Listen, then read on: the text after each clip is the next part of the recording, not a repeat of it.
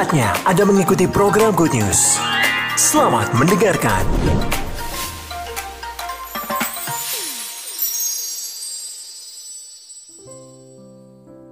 Saudara yang dikasih yang Kristus Yesus Tuhan. Hari kenaikan itu hari yang penting sekali. Karena saya beri tema mempercayakan tanggung jawab itu kepada kita orang percaya. Bukan hamba Tuhan. Bukan pandeto. Tetapi setiap orang yang percaya. Kita baca dulu Yohanes 14 ayat 12, 13, 14. Supaya kita sungguh-sungguh bagian demi bagian sampai-sampai pemerintah meliburkan itu. Itu permohonan dari bapak-bapak gereja. Menghargai satu peristiwa yang disebut dengan kenaikan. Yang sering kali saya singgung dengan sindiran. Kalau sudah pemerintah saja memberikan penghormatan dengan diliburkan. Dengan maksud tentunya maksudnya adalah supaya umat Kristiani umat Kristen itu dapat beribadah dengan hikmat. Sehingga sering kali saya sindir tuh, malahan kok malah pergi liburan. Ya, kita baca sekarang. Mengapa saya sebutkan sebagai mempercayakan tanggung jawab. Aku berkata kepadamu, sarengan eh sarengan. Bersama saya, baca. Satu, dua, tiga. Aku berkata kepadamu, sesungguhnya barang siapa percaya kepadaku, ia akan melakukan juga pekerjaan-pekerjaan yang aku lakukan. Bahkan pekerjaan-pekerjaan yang lebih besar daripada itu. Sebab aku pergi kepada Bapa. Lanjut 13. Dan apa saja yang kamu minta dalam namaku, aku akan melakukannya. Supaya Bapa dipermuliakan di dalam anak. Jika kamu meminta sesuatu kepadaku dalam namaku, aku akan melakukannya. Semua berkata, Amin. Boleh tepuk tangan bagi Tuhan Yesus. Beritakan melalui WA, besok hadir. Sebagai bukti kita menghormati libur yang diberikan oleh pemerintah. Tanggal merah yang artinya libur. Penghormatan pemerintah terhadap umat Kristen. Menghormati peristiwa yang dialami oleh Yesus. Kenaikan Isa Al-Masih, kenaikan Yesus Kristus ke surga.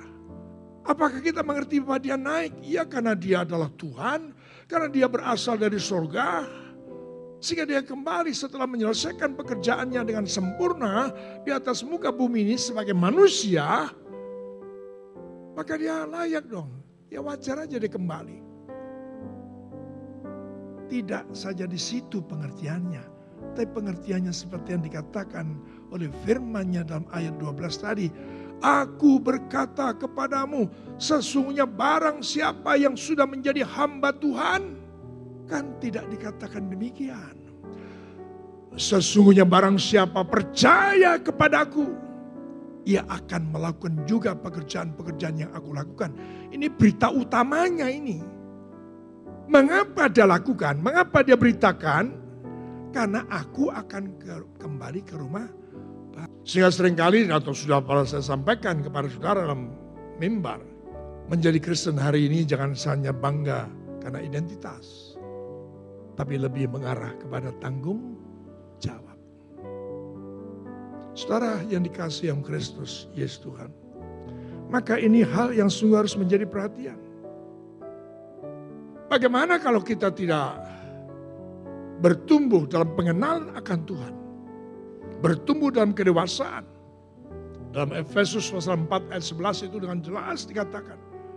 Ada di dalamnya juga dikatakan kita harus bertumbuh supaya kita tidak diombang-ambingkan oleh angin-angin pengajaran. Supaya kita tidak menjadi seanak-anak yang begitu mudah diombang-ambingkan oleh berbagai pengajaran. Jadi dituntut kita tumbuh dewasa artinya berakar ke dalam. Sehingga kita bukan lagi anak-anak yang diombang-ambingkan oleh rupa-rupa angin pengajaran oleh pembangunan palsu manusia dan kelicikan mereka yang menyesatkan. Tetapi dengan teguh berpegang pada kebenaran dalam kasih, kita bertumbuh di dalam segala hal ke arah dia, Kristus yang adalah kepala. Sekali lagi katakan amin. Saudaraku yang dikasih yang Kristus Yesus Tuhan. Kembali kepada tema kita malam hari ini. Mempercayakan tanggung jawab. Ini berita utamanya. Kenapa dia beritakan itu, mengingatkan itu? Karena dia kembali ke Bapa. Siapa yang melanjutkan pekerjaannya? Siapa yang memberitakan? Siapa yang menjadi saksi? Siapa yang mau jadi alat? Orang percaya. Saudaraku yang kasih sekaligus malam ini saya ingatkan bukan berarti saudara tidak boleh memikirkan pekerjaan sendiri. Bukan, tapi utamakan pekerjaan Tuhan. Seperti kesaksian Bu Sonya tadi melayani Tuhan itulah kemuliaan.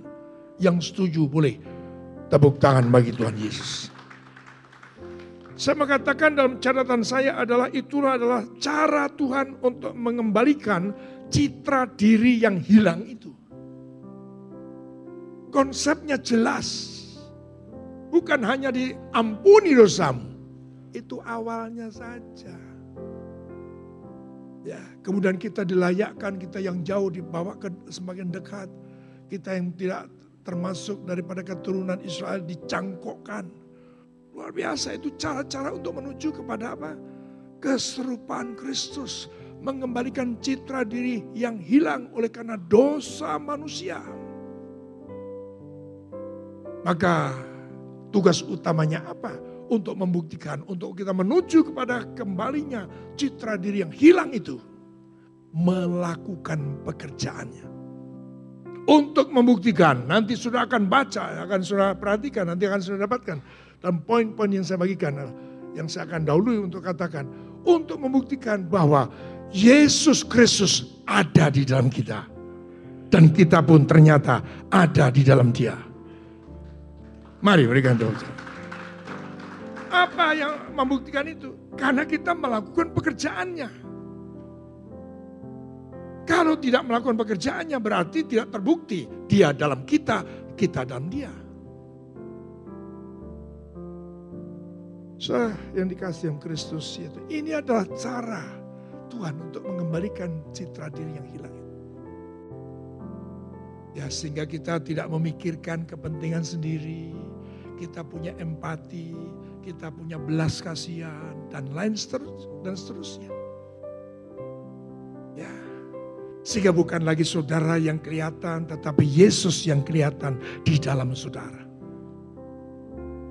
Ya, yang selalu mengutamakan kepentingan-kepentingan Bapa, yang melakukan kehendak Bapa yang tidak melakukan kehendak sendiri, tidak melakukan kehendak manusia, tapi kehendaknya.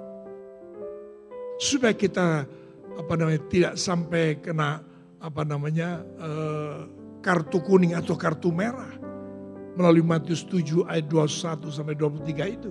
Siapa kamu? Aku tidak kenal kamu. Sebab kamu tidak melakukan apa yang menjadi kehendak Bapa. Ini pastikan. Sekecil apa pun yang bisa engkau lakukan, bahkan engkau dipercaya untuk melakukan perkara kecil, nggak masalah. Asalkan apa yang engkau kerjakan itu dalam rangka itu pekerjaan Tuhan. Dalam rangka menuntaskan amanat agung, memberitakan kabar baik untuk mendatangkan keselamatan bagi seluruh umat manusia yang masih hidup di kolong langit ini. Mari yang percaya berikan tepuk tangan. Tidak ada cara lain. Besok khotbah ini akan saya untuk kita mendalami, untuk kita menyadari apa sekarang yang harus saya lakukan. Kalau secara ekstrim yang sering kali saya katakan, ini pun sudah saya khotbahkan minggu lalu. Ketika Tuhan panggil, eh kamu, kamu, kamu. Jumlahnya kata 12. Hmm, ini. Aku akan menjadikan kamu sebagai penjala manusia. Ini status baru. Jangan diartikan bahwa Tuhan itu tidak peduli dengan perut kita. Sekali lagi mau saya katakan, kalau saudara jelas sudah berubah profesi saudara. Apa yang kau pikirkan, apa yang kau kerjakan sudah berubah secara radikal. Bapak di surga pasti menyediakan lebih dari apa yang kita pikirkan. Lebih dari apa yang kita doakan.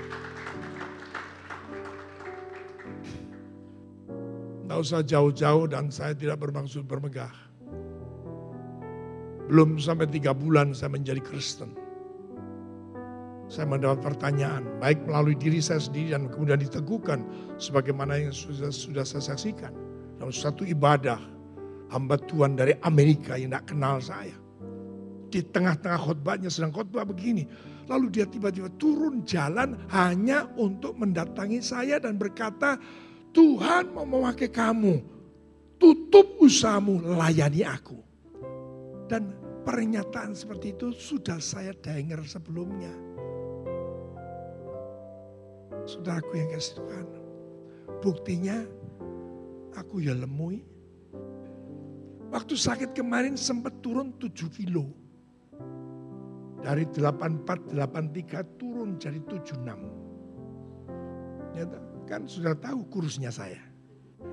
Sudah juga tahu sakitnya saya. Ya. Tapi malam hari ini, wah, puji Tuhan, mulai beratnya tambah lagi. Ya, Artinya apa? Ikut dia itu tidak akan ada yang ceritanya kelaparan. Tidak ada ceritanya. Bahkan saudara sampai-sampai doanya disuruh Tuhan, doanya siapa? Berikanlah kepadaku pada hari ini makanan kami secukupnya. Karena Tuhan tuh mau memberkati lebih. Luar biasa. Kalau diberkati lebih, itu tugasmu untuk membagikan ke kanan kirimu. Tepuk tangan dulu bagi Tuhan Yesus. Terbukti kok bukan hanya soal makan minum. Sebagaimana kekhawatiran dalam Matius pasal 6. Itu tidak akan kau alami.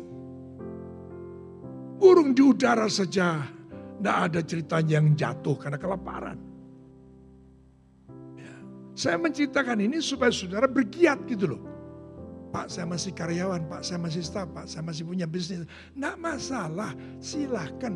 Tapi orientasikan kegiatanmu, pekerjaanmu, bisnismu untuk melayani Tuhan. Yang setuju lagi berikan tepuk tangan, haleluya. Melakukan pekerjaan-pekerjaannya itu adalah cara Tuhan, itu adalah konsep yang Tuhan lakukan, tetapkan untuk menuju kepada citra dirinya, untuk menuju kepada keserupaannya, untuk menuju kepada situasi dan kondisi manusia yang tak bercacat celah ataupun yang serupa itu. Ya ini bekerja untuk Tuhan. Saudara yang dikasih dalam Kristus Yesus Tuhan. Sehingga pada poin berikutnya saya ingin menyoroti atau membahas saudara bersama dengan saudara untuk melihat. Ditujukan kepada siapa sih tanggung jawab itu untuk melanjutkan tongkat estafet itu dipercayakan kepada siapa sih? Ternyata kepada orang percaya. Bukan kepada yang disebut hamba Tuhan itu cuma status, itu cuma jabatan tapi tanggung jawab untuk melakukan pekerjaan-pekerjaannya itu kepada setiap kita yang percaya kepadanya. Yesus itulah Tuhan dan Juru Selamat pribadi kita. Amin. Boleh sekali lagi tepuk tangan yang panjang bagi Tuhan. Jadi saudaraku yang dikasih dalam Kristus Yesus Tuhan, kepercayaan itu diberikan, tanggung jawab itu dipercayakan kepada orang percaya.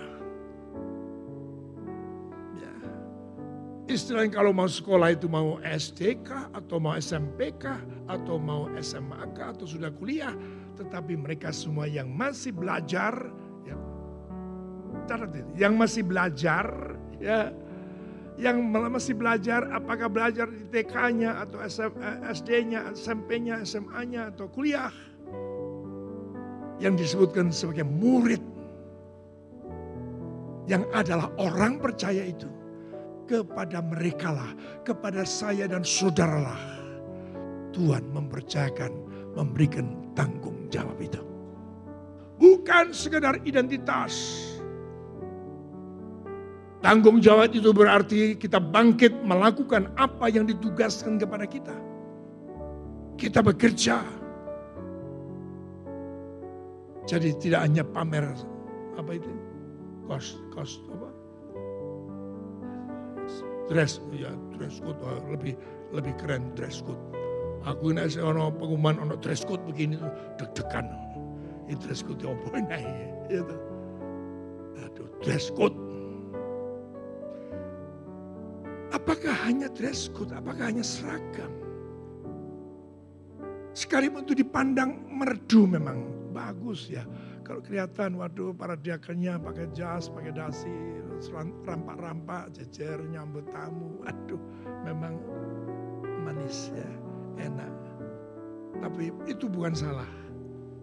Tapi yang lebih tepat adalah melakukan pekerjaannya. Dengan ketulusan, dengan kesadaran penuh. Sebab saya dan saudara telah mendapatkan segala sesuatu yang terbaik dalam kehidupan saudara dan saya. Yaitu apa? Saudara dan saya sudah menerima Yesus Kristus Tuhan itu sendiri.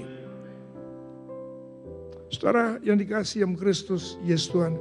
Sehingga dengan demikian saya ingin mengingatkan bukan lagi sekedar beragama. Melainkan menghidupi kehidupan Yesus.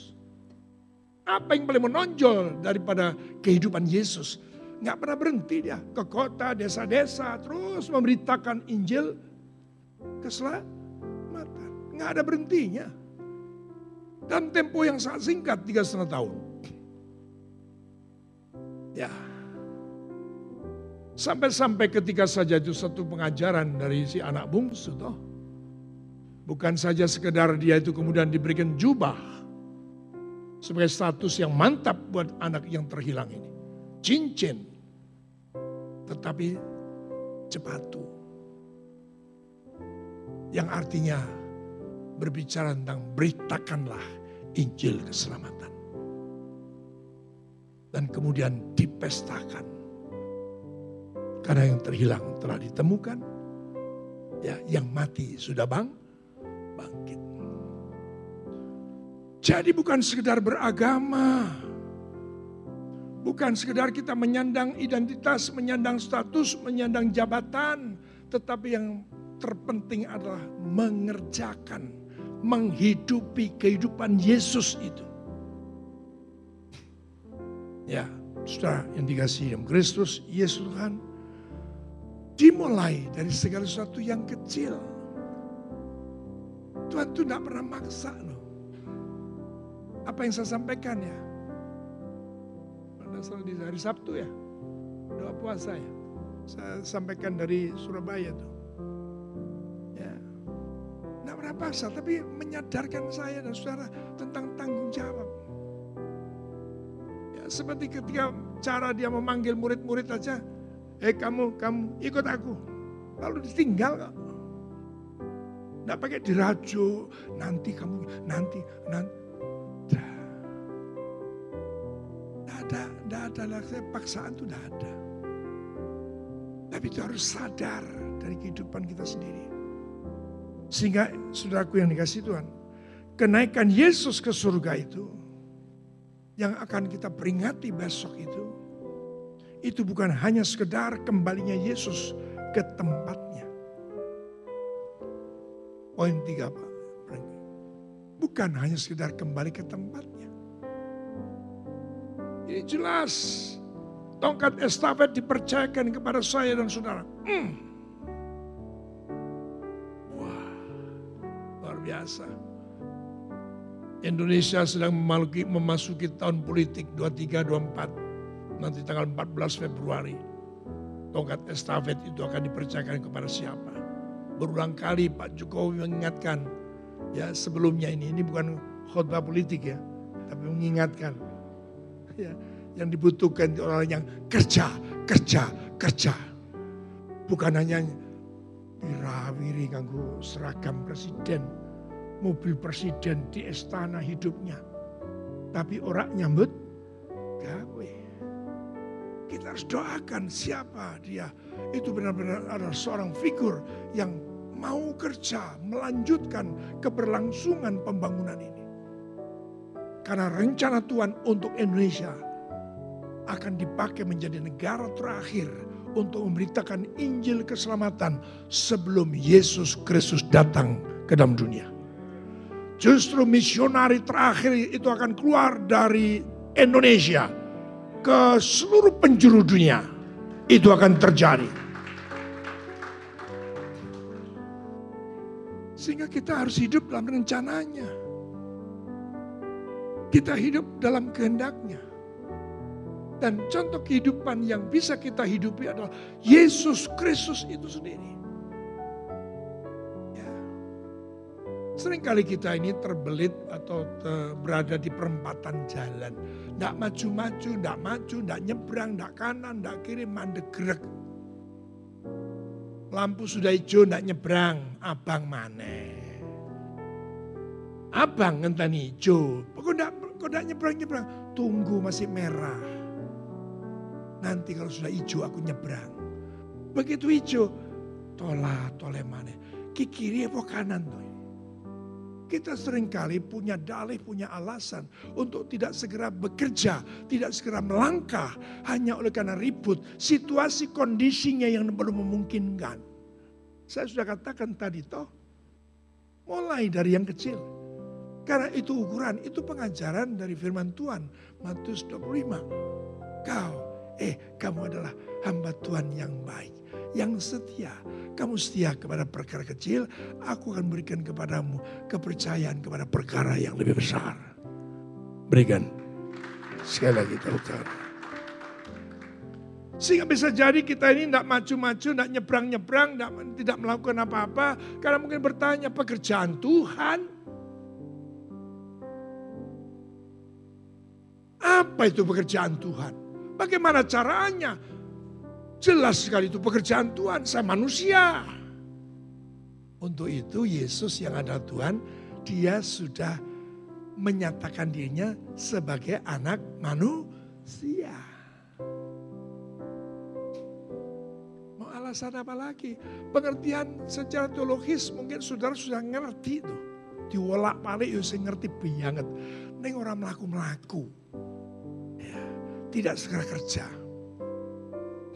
Makanya saya ingin katakan seperti yang disaksikan oleh Sonya tadi, melayani Tuhan, melakukan pekerjaan Tuhan itu adalah kemuliaan yang datang dari Tuhan sendiri. Berikan tepuk tangan. Kan itu cara Tuhan membawa kita kepada kesempurnaannya. Cara Tuhan untuk membawa kita kepada citra diri yang hilang itu. Cara Tuhan untuk membawa kita pada serupa dengan gambarannya. Dimulai dari perkara yang kecil. Waktu kecil saja saya diajari sama orang tua saya. Ya, sedikit-sedikit menjadi bu bukit. Karena apa diajarin untuk suka na, nabung. Sehingga tabungan saya dibuatkan dari bambu. Bambu yang dipasang di gedek rumah. Dibolongi. Tadi ketep, Nanti begitu hari raya, iya, iya betul hari raya.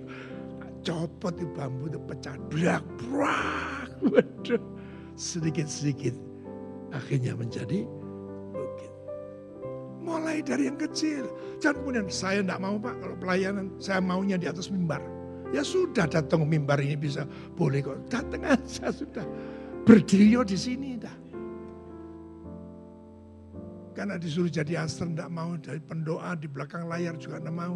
Saya mau jadi pendoa apa tapi tidak mau di belakang layar, di depan layar. Ya tidak apa-apa. oh yang kulit itu bisa dilihat di belakang layar juga di depan layar juga bisa dilihat ya. terlalu maksud saya terlalu banyak alasan. Tidak maju-maju. Ijo ini wis ya. Belum juga nyebrang.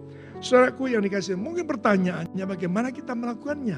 Ya, Saya sekali lagi bukan hanya sekedar dia kembali pada tempatnya, tapi ada satu hal yang harus kita kerjakan. Bagaimana kita melakukannya? Sehingga firman Tuhan tadi dalam ayat yang ke apa ke 13 14 coba kita baca ulang dan apa juga yang kamu minta dalam namaku aku akan melakukannya loh kan sudah terfasilitasi toh Tuhan aku tidak ngerti Tuhan. Tanya aku kata Tuhan. Aku tidak bisa. Ya tekon aku. Aku yang akan membuat kamu bisa. Sudah difasilitasi. Dan apa saja yang kamu minta dalam namaku, aku akan melakukannya. Perhatikan, dipakai kata melakukannya. Karena saudara dan saya memang tidak mampu melakukannya, tapi dia akan melakukan di dalam kita, dia melakukan apa yang dipercayakan kepada kita. Sehingga dengan jelas Efesus pasal 3:20 akan sering kali engkau alami itu. Engkau akan punya pengalaman banyak dengan Tuhan. Ketika mulai mengerjakan perkara-perkara kecil. Mungkin hanya paduan suara nyanyi hanya Tuhan. Solo buat Tuhan atau Jogja buat Tuhan. Sebelumnya kan paduan suara kan bareng. Wani masih mungkin suara ini gak apa ya. Oke mangap-mangap. Tapi berikutnya berani Solo, berikutnya berani Jogja, ya tak? Kan gitu. Ya, saya kasih jelas sekali. Coba kita baca ya. Bagi dialah yang dapat melakukan jauh lebih banyak dari yang kita doakan dan pikirkan. Seperti yang ternyata dari kuasa yang bekerja di luar kita. Tapi dipastikan yang bekerja di dalam kita Gusti Yesus yang ada dalam kita, dia bekerja. Bahkan saudaraku yang dikasih dalam Kristus Yesuan, memang keberadaannya karena dia secara fisik sudah mati, sudah bangkit dan sudah kembali ke surga, maka siapa yang manifestasi dalam kehidupan kita, yang melakukan pekerjaan-pekerjaannya yang kita kerjakan hari ini, besok dan seterusnya, Roh Kudus. Kita buka Pak ayat 15. Dari Yohanes 14, 15. Jikalau kamu mengasihi aku, kamu akan menuruti segala perintahku. Oh, dipakri lagi dengan ini. Maka jangan mudah-mudah aku mengasihimu Tuhan, aku mengasihimu Tuhan, aku mengasihimu Tuhan. Tuhan tidak tanya itu. Tapi kerjakan apa yang harus kau kerjakan. Itu bukti kamu tidak usah ngomong I love you Tuhan.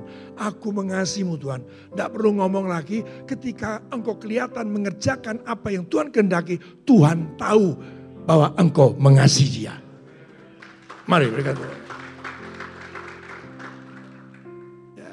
tidak perlu ditanya apakah dia mengasihi, apakah dia itu mengasihi engkau Tuhan. Tidak perlu tanya, kamu tidak tahu. Aku sudah lihat sendiri. Buktinya itu dinyatakan dalam bekerja untuk Tuhan. Sekali lagi saya ingatkan, sekecil apa pun, bahkan sudah sering saya berikan satu contoh. Ketika saja engkau memberikan segelas air untuk seorang nabi, Nabi Sudidarma.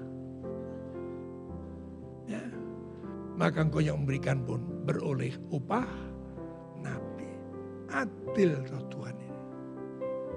Bisanya cuma nyediain teh, bisanya cuma nyediain segelas air, bisanya cuma itu. Rapopo.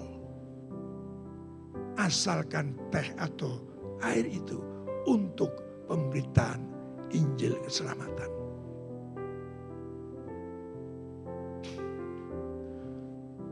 Saudara yang dikasih Tuhan, lanjut 16. Aku akan minta kepada Bapak difasilitasi secara luar biasa. Kita disuruh berangkat, kita disuruh bekerja, tapi Tuhan sudah mempersiapkan fasilitas yang diperlukan.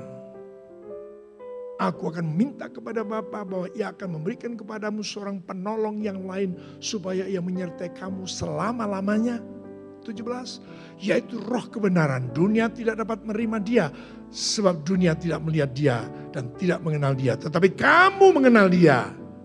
Yang dimaksud dia di sini adalah Yesus Kristus. Sebab ia menyertai kamu dan akan diam di dalam kamu. Tepuk tangan yang panjang bagi Tuhan Yesus. Sehingga saudaraku yang dikasih Tuhan saya singgung lagi pada ayat yang ke-15 tadi Ketika kita eh, mengerjakan pekerjaan Tuhan itu bukti nyata, bukti yang tidak terbantahkan. Saudara mengasihi Tuhan. Ya, mengasihi Tuhan. Jikalau kamu mengasihi aku, kamu akan menuruti segala perintah. Jadi bukti mengerjakan pekerjaan, menghidupi Yesus melalui mengerjakan pekerjaan Yesus itu bukti yang tak terbantahkan. Dan saudara dan saya mengasihi Tuhan. Saudaraku yang dikasih oleh Kristus, Yesus yang saya lompat pada ayat 21 sampai 24 Pak Franky. 21. Ya oke, okay.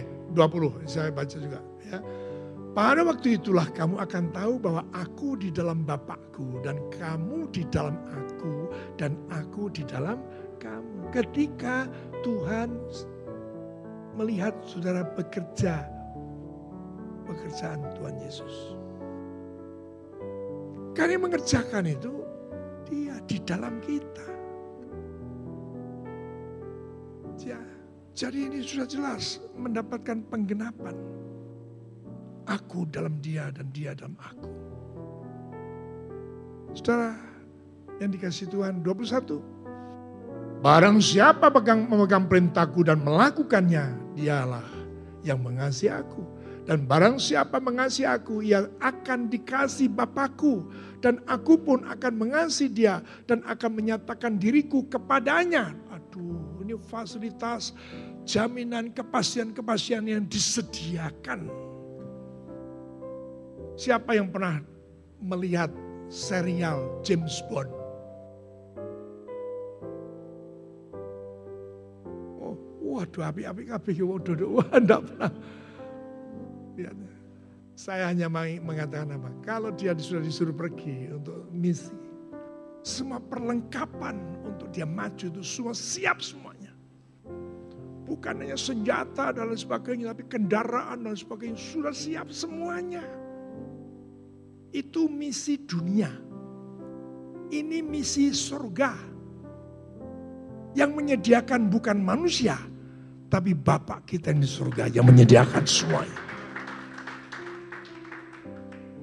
Saya menyampaikan ini malam hari ini untuk membuat saudara semangat untuk menyambut hari besok.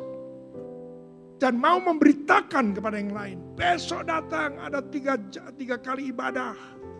Disertai dengan perjaman kudus. Saudara yang dikasih yang Kristus, Yesus Tuhan. 21, 22 sekarang. Yudas yang bukan Iskariot berkata kepada Tuhan, apakah sebabnya maka engkau hendak menyatakan dirimu kepada kami dan bukan kepada dunia? Coba perhatikan ini, hebatnya, berharganya saya dan saudara di hadapan Tuhan. 23. Jawab Yesus, jika seorang mengasihi aku, ia akan menuruti firmanku. Dan Bapakku akan mengasihi dia. Dan kami akan datang kepadanya dan diam bersama-sama dengan dia. Wow. Ini satu penghargaan yang luar biasa. Di saat itulah sebenarnya kemuliaan Tuhan itu sudah kita terima. Memang sudah jangan harap yang namanya penghargaan dari Tuhan itu berupa piala, berupa apa dan sebagainya ya. Tapi yang jelas di sana itu sudah otomatis sebelum dunia mengenal komputer, mengenal perhitungan cara-cara yang otomatis, surga sudah mengenalnya. Sudah dicatat semuanya itu. Sehingga dengan pasti saudara ketika tinggalkan dunia ini, saudara pasti menerima mahkota kebenaran. Karena ada catatannya, ada track recordnya, ada apa namanya, eh, datanya semua komplit. Ya. Dan kalau saudara sudah menerima itu apa yang dikatakan tadi itu, menyatakan diri, kami akan menyatakan diri kepadamu ke dalam dia. Oh saudaraku, dijamin orang yang sudah menerima kemuliaan Tuhan tidak akan lagi hidup dalam kegelisahan, dalam kekhawatiran, ketakutan apa pun tentang segala sesuatu yang di bawah kolong langit ini. Besok saya akan lanjutkan dengan satu apa narasi yang jelas dari Yohanes 14.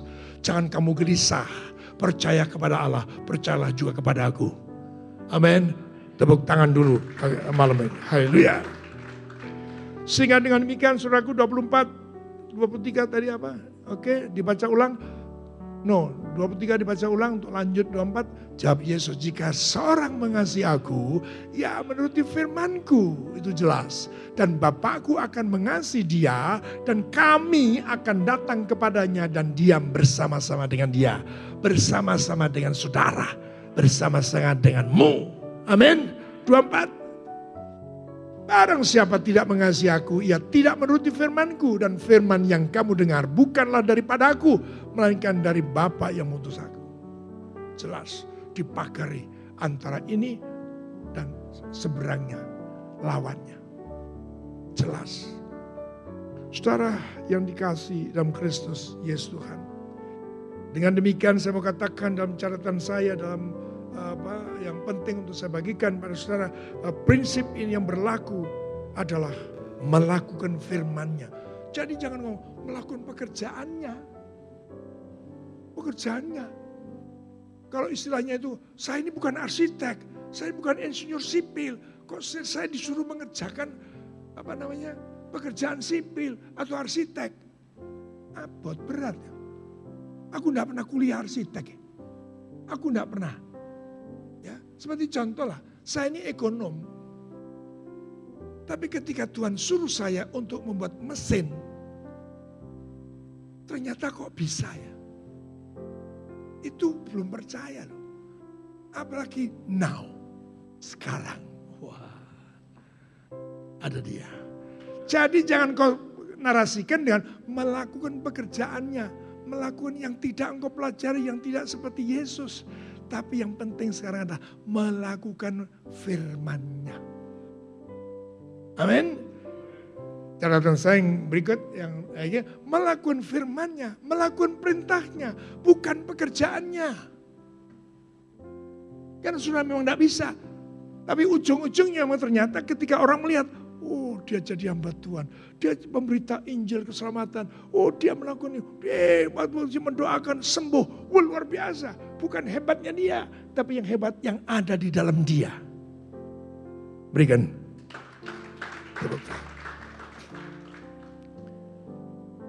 Kalau kita akan narasikan melakukan pekerjaannya. Rasanya kok nalar logika tidak mungkin ya. Tetapi yang terpenting kita tangkap sekarang, melakukan kehendaknya, melakukan firmannya. Dan ternyata itu pun yang bekerja di dalam saudara, saudara mengerjakan pekerjaannya, saudara mengerjakan uh, kehendaknya, mengerjakan firmannya, ternyata yang mengerjakan itu adalah dia di dalam kita. Saudara yang dikasih yang Kristus, Yesus Tuhan.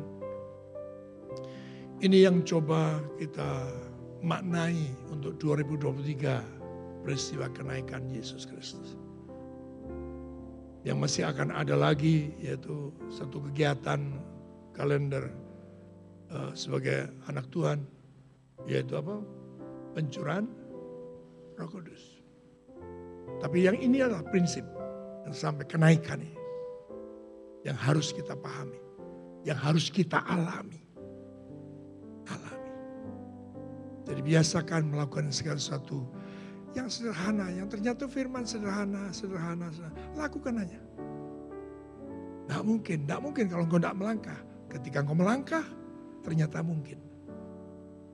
Karena prinsip dari Efesus 3.20 itu ternyata yang bekerja itu kuasanya di dalam kita. Kenapa itu tidak nampak? Karena saudara belum melangkah. Kalau saudara sudah mulai, ya, melangkah, melakukan, maka yang menyelesaikan tuntas sempurna itu adalah Yesus Kristus itu sendiri. Berikan tepuk tangan yang lebih meriah bagi Tuhan Yesus. Sehingga saya mau katakan pada ujungnya adalah konsep inilah yang secara nyata yang tidak menjadi angan-angan, tidak hanya sekedar menjadi spanduk, menjadi semboyan saja, menjadi pernyataan-pernyataan dalam setiap ibadah, setiap pertemuan untuk menjadi serupa dengan dia. Maka tadi kita dengar melalui pengumuman serupa sempurna belum. Berubah pasti itu terus terjadi.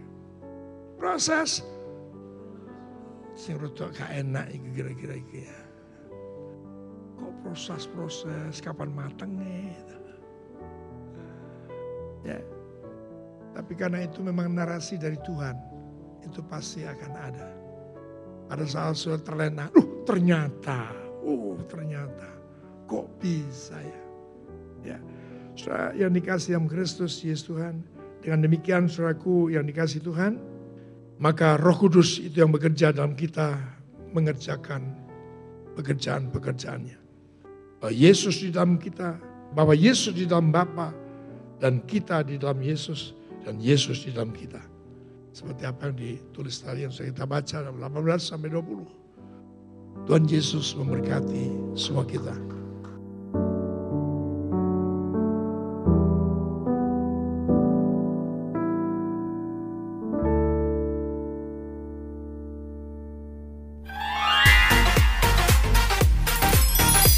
Terima kasih untuk Anda yang sudah mendengarkan program Good News yang dipersembahkan oleh Radio Sejahtera. Untuk Anda yang rindu mendapatkan layanan konseling dan dukungan doa, silakan menghubungi hotline 0812 33 33 6392. Para konselor dan para pendoa Diaspora Sejahtera Caring Ministry siap untuk melayani Anda. Tuhan Yesus memberkati.